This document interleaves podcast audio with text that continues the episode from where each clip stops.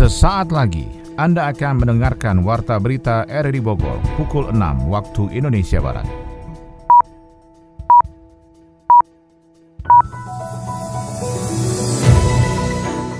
Selamat pagi, salam jumpa. Kami hadir kembali dalam Warta Berita edisi hari ini, Jumat 4 Februari 2022. Informasi ini juga turut disiarkan melalui audio streaming lewat RRI Play dan juga disiarkan lewat Radio Tegak Beriman Kabupaten Bogor, Jawa Barat dan Anda bisa akses di Spotify RRI Bogor. Berita utama hari ini adalah Rumah sakit di Kota Depok bersiap menghadapi lonjakan kasus COVID-19. Yang kami khawatirkan memang terjadinya klaster di TK maupun PAUD. 11 warga Kecamatan Babakan Madang, Kabupaten Bogor terkonfirmasi positif COVID-19, sementara dua orang lainnya kini tengah diisolasi di rumah sakit rujukan. Pasien otomatis langsung nggak boleh melanjutkan perjalanan, dia harus segera dipulangkan dengan pengawalan ketat. Saya Maulana Sarto, inilah Warta Berita selengkapnya.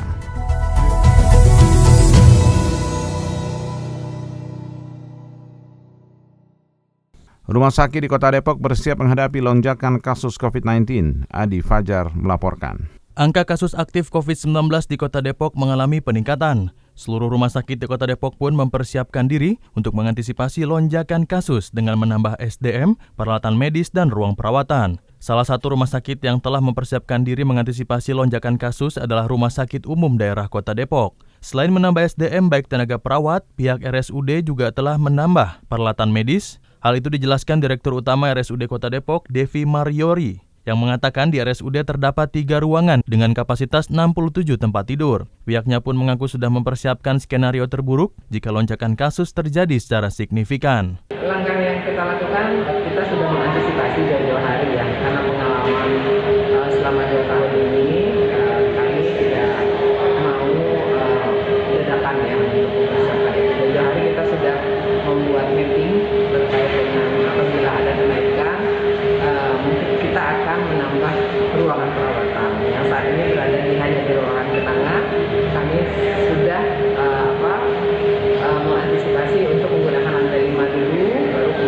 Sementara itu, tingkat keterisian tempat tidur atau bed occupancy rate Rumah Sakit di Kota Depok dijelaskan jubir Satgas COVID-19 Kota Depok Dadang Wihana. Saat ini perlahan meningkat kembali dengan angka yang sudah mendekati 50 persen. Peningkatan bor terjadi atas sumbangsih dari munculnya klaster baru yang didominasi dari keluarga serta perjalanan luar negeri.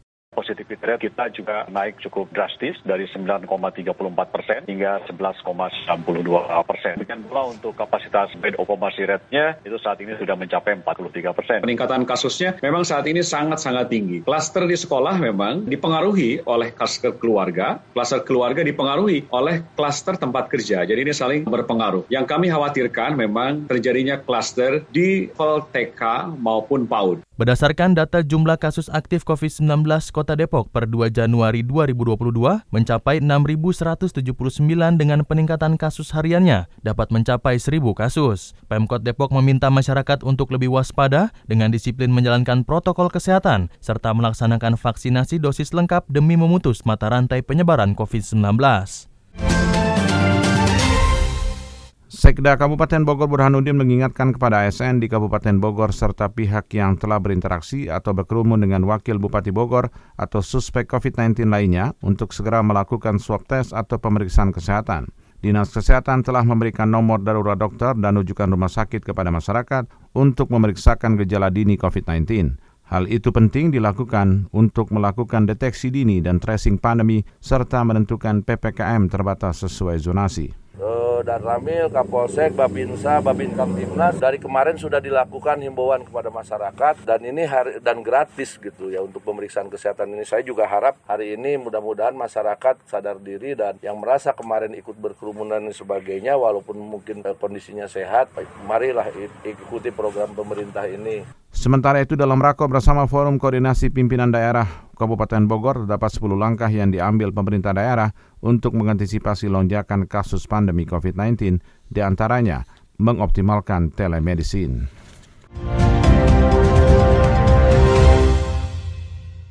Sebelas warga Kecamatan Babakan Madang, Kabupaten Bogor terkonfirmasi positif COVID-19, sementara dua orang di antaranya kini tengah diisolasi di rumah sakit rujukan.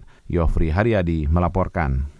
Pandemi COVID-19 varian Omikron kini semakin diwaspadai penularannya. Bahkan dari hasil tracing yang dilakukan Dinas Kesehatan hingga puskesmas didapatkan kecurigaan dari hasil swab antigen dan rapid test yang menunjukkan hasil reaktif. Salah satunya di Kecamatan Babakan Madang, Kabupaten Bogor. Dengan suspeknya adalah pelajar SMK Negeri 1 Babakan Madang. Seperti diketahui, SMK dan SMA di bawah kewenangan Dinas Pendidikan Provinsi Jawa Barat melalui kantor cabang dinas di daerah yang sebelumnya melakukan pendidikan tatap muka kini kembali dengan metode daring. Dari penuturan Kepala Puskesmas Babakan Madang, Dr. Desi Neidi, hasil tracing didapat dua orang reaktif yang kini tengah dilakukan isolasi di rumah sakit rujukan dan tercatat ada 11 konfirmasi positif tambahan di Kecamatan Babakan Madang, Kabupaten Bogor. Saya langsung koordinasikan dengan Dinas Kesehatan Kabupaten Bogor. Dari Dinas Kesehatan Kabupaten Bogor langsung memerintahkan puskesmas setempat yang dalam hal ini kebetulan domisili dari yang dua-duanya ada di daerah Babakan Madang. Untuk segera, yang pertama pasien otomatis langsung nggak boleh melanjutkan perjalanan, dia harus segera dipulangkan dengan pengawalan ketat. Kemudian sampai di rumah kita KIE untuk melakukan isolasi mandiri. Sambil dari puskesmas juga sudah dikoordinasi untuk tata laksana pengobatan lebih lanjut. Dan yang lebih penting lagi, siapa saja dari puskesmas nanti akan men-tracking Beberapa sekolah yang siswanya terpapar COVID-19 baik SD, SMP, dan SMA atau SMK akhirnya tidak lagi menyelenggarakan belajar tatap muka terbatas menggunakan cara sebelumnya belajar di rumah. Sempat beredar informasi dari Kemenkes ada warga Kabupaten Bogor yang berinteraksi langsung dengan pihak yang tertular varian COVID Omikron. Namun sejauh ini, Kepala Dinas Kesehatan Kabupaten Bogor Dr. Mike Kaltarina belum dapat memberikan kepastian apakah uji reaktif, swab, dan rapid terhadap AS ASN di Pemkap Bogor adalah varian COVID jenis baru dimaksud. Jadi begitu kita diberikan informasi dari Kementerian Kesehatan, itu sudah langsung diisolasi mandiri. Dan tadi sudah disampaikan bahwa kontrak erat sudah dilakukan tes serta eh, WGS. Tidak jadi sudah pastikan orang-orang yang terpapar itu sudah harus diambil, tidak boleh ada keluar sampai nanti selesai. Tidak hanya sekolah, sejumlah nama pejabat di pusat pemerintahan Kabupaten Bogor di Cibinong juga terpapar COVID-19, termasuk Wakil Bupati Bogor Iwan Setiawan. Dan sistem bekerja di rumah kembali diterapkan, yang sebelumnya sempat dibuka pelayanan tatap muka khususnya di instansi pelayanan publik seperti Dinas Kependudukan dan Catatan Sipil dan Dinas Penanaman Modal dan Perizinan terpadu satu pintu. Handuk mana nih handuk? Wih, lagi gambar apa, Jo? Biasa bre, iseng. Coba lihat. Widih, keren keren, cakep. Eh, apaan sih? Bungkus permen doang kali. Sini, coba lihat. Bre, bre, lu mau ngapain bre? Kok dicoret-coret sih? Elah, dikit doang kali. Dikit juga coretan kali bre. Aduh iseng banget sih lu. Ibu kos ngamuk deh nih. Lah itu kecil juga sampah kali. Ye, bawel malah nyolot. Ya udah, nih, nitip buangin sekalian. Eh, uh, semprul. Buruan bre, gantian mandinya.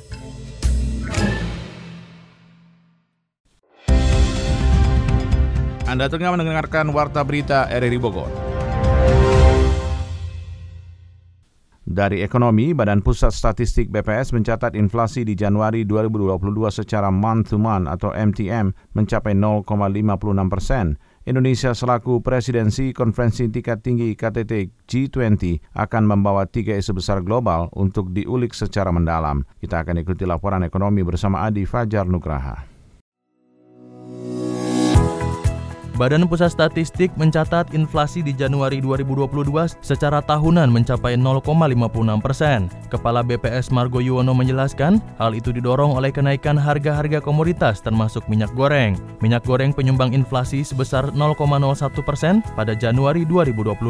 Margo menjelaskan angka inflasi yang disumbangkan oleh minyak goreng turun cukup signifikan dibandingkan Desember 2021 yang sebesar 0,08 persen. Sementara itu turunnya kontribusi minyak goreng terhadap inflasi inflasi, menurutnya karena harga minyak goreng pada Januari sudah mengalami penurunan ke Rp14.000 per liter, sebagaimana yang ditetapkan oleh pemerintah dengan memberikan subsidi. Namun Margo memberikan catatan bahwa masih ditemukan pedagang yang belum mengikuti kebijakan pemerintah, sehingga minyak goreng masih menyumbang inflasi walaupun angkanya sudah menurun. Hal itu tidak mengherankan karena pemerintah pada Januari lalu hanya menggelontorkan subsidi minyak goreng ke toko retail modern, sedangkan belum mencakup pasar tradisional.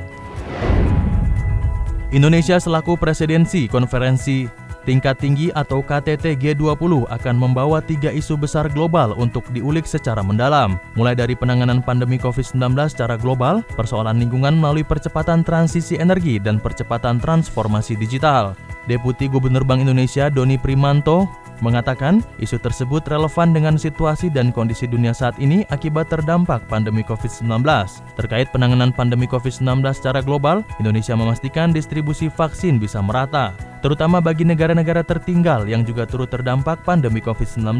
Sementara untuk mengatasi persoalan lingkungan, Indonesia berperan aktif untuk mengajak dan menerapkan percepatan transformasi energi baru dan terbarukan atau EBT yang lebih ramah lingkungan. Indonesia menargetkan bisa mewujudkan emisi 0% atau net zero emission pada tahun 2060 mendatang. Terakhir terkait transformasi digital, BI terus mendorong kerjasama antar negara dalam sistem pembayaran digital, tujuannya untuk mendorong produktivitas dan perluasan ekonomi.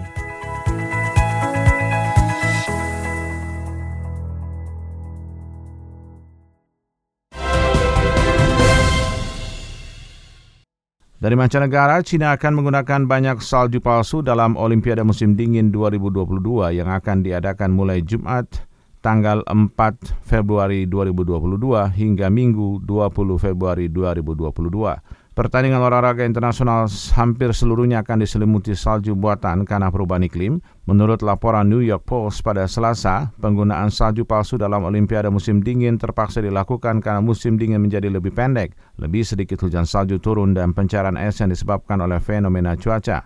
Menurut laporan penelitian bersama dari Georgia State University, karena cuaca bervariasi di kota-kota tuan rumah yang berbeda dan salju tidak selalu tersedia, para ilmuwan menemukan cara untuk membuat partikel buatan memberikan ilusi iklim musim dingin, tapi pilihan itu datang dengan biaya. Laporan itu menunjukkan bahwa permainan akan membutuhkan sekitar 49 juta galon air, 130 generasol salju yang dioperasikan dengan kipas. Diperlukan sekitar 300 mesin pembuat salju untuk membuat 1,2 juta meter kubik kepingan salju palsu.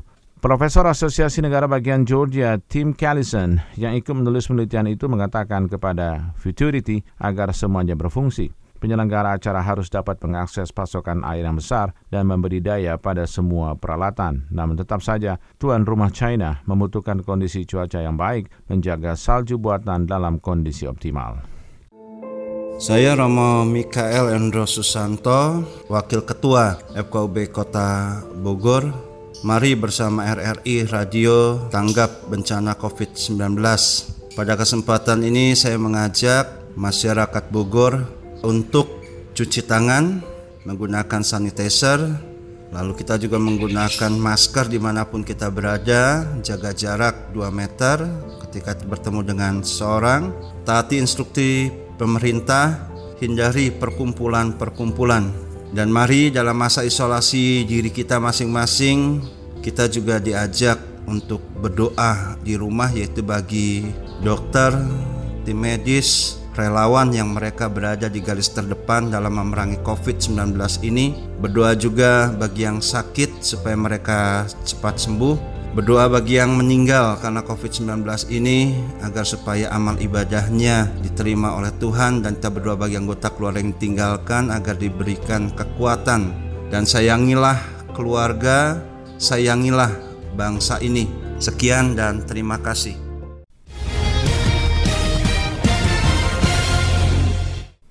Dari dunia olahraga, legenda MU Roy Keane dikabarkan mendapat tawaran pekerjaan untuk melatih Sunderland. Masa depan Paulo Dybala masih menjadi tanda tanya. Kita akan ikuti laporan olahraga bersama Ermelinda.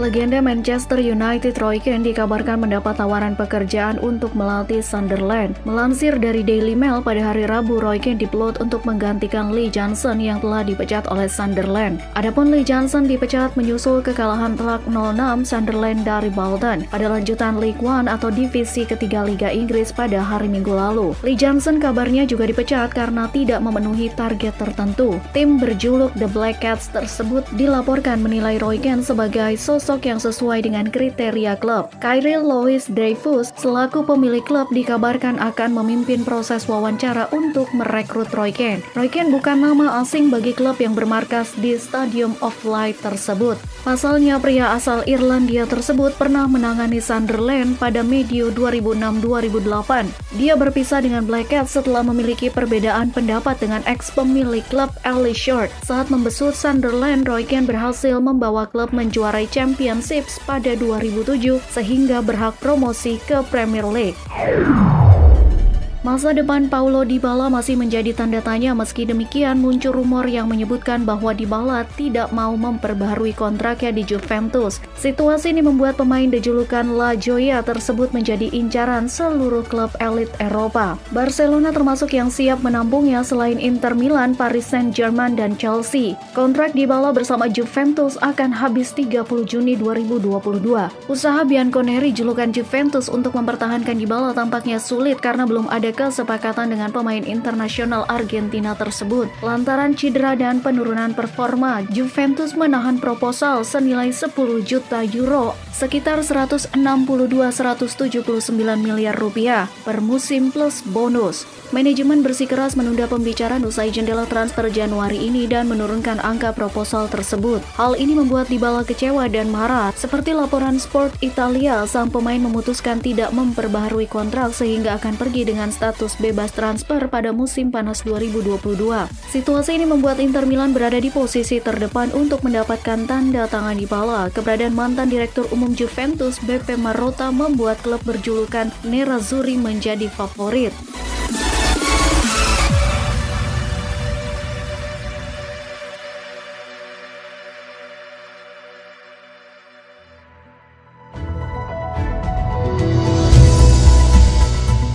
Demikian rangkaian informasi dalam Warta Berita di edisi hari ini. Sebelum berpisah kami sampaikan berita utama. Rumah sakit di kota Depok bersiap menghadapi lonjakan kasus COVID-19.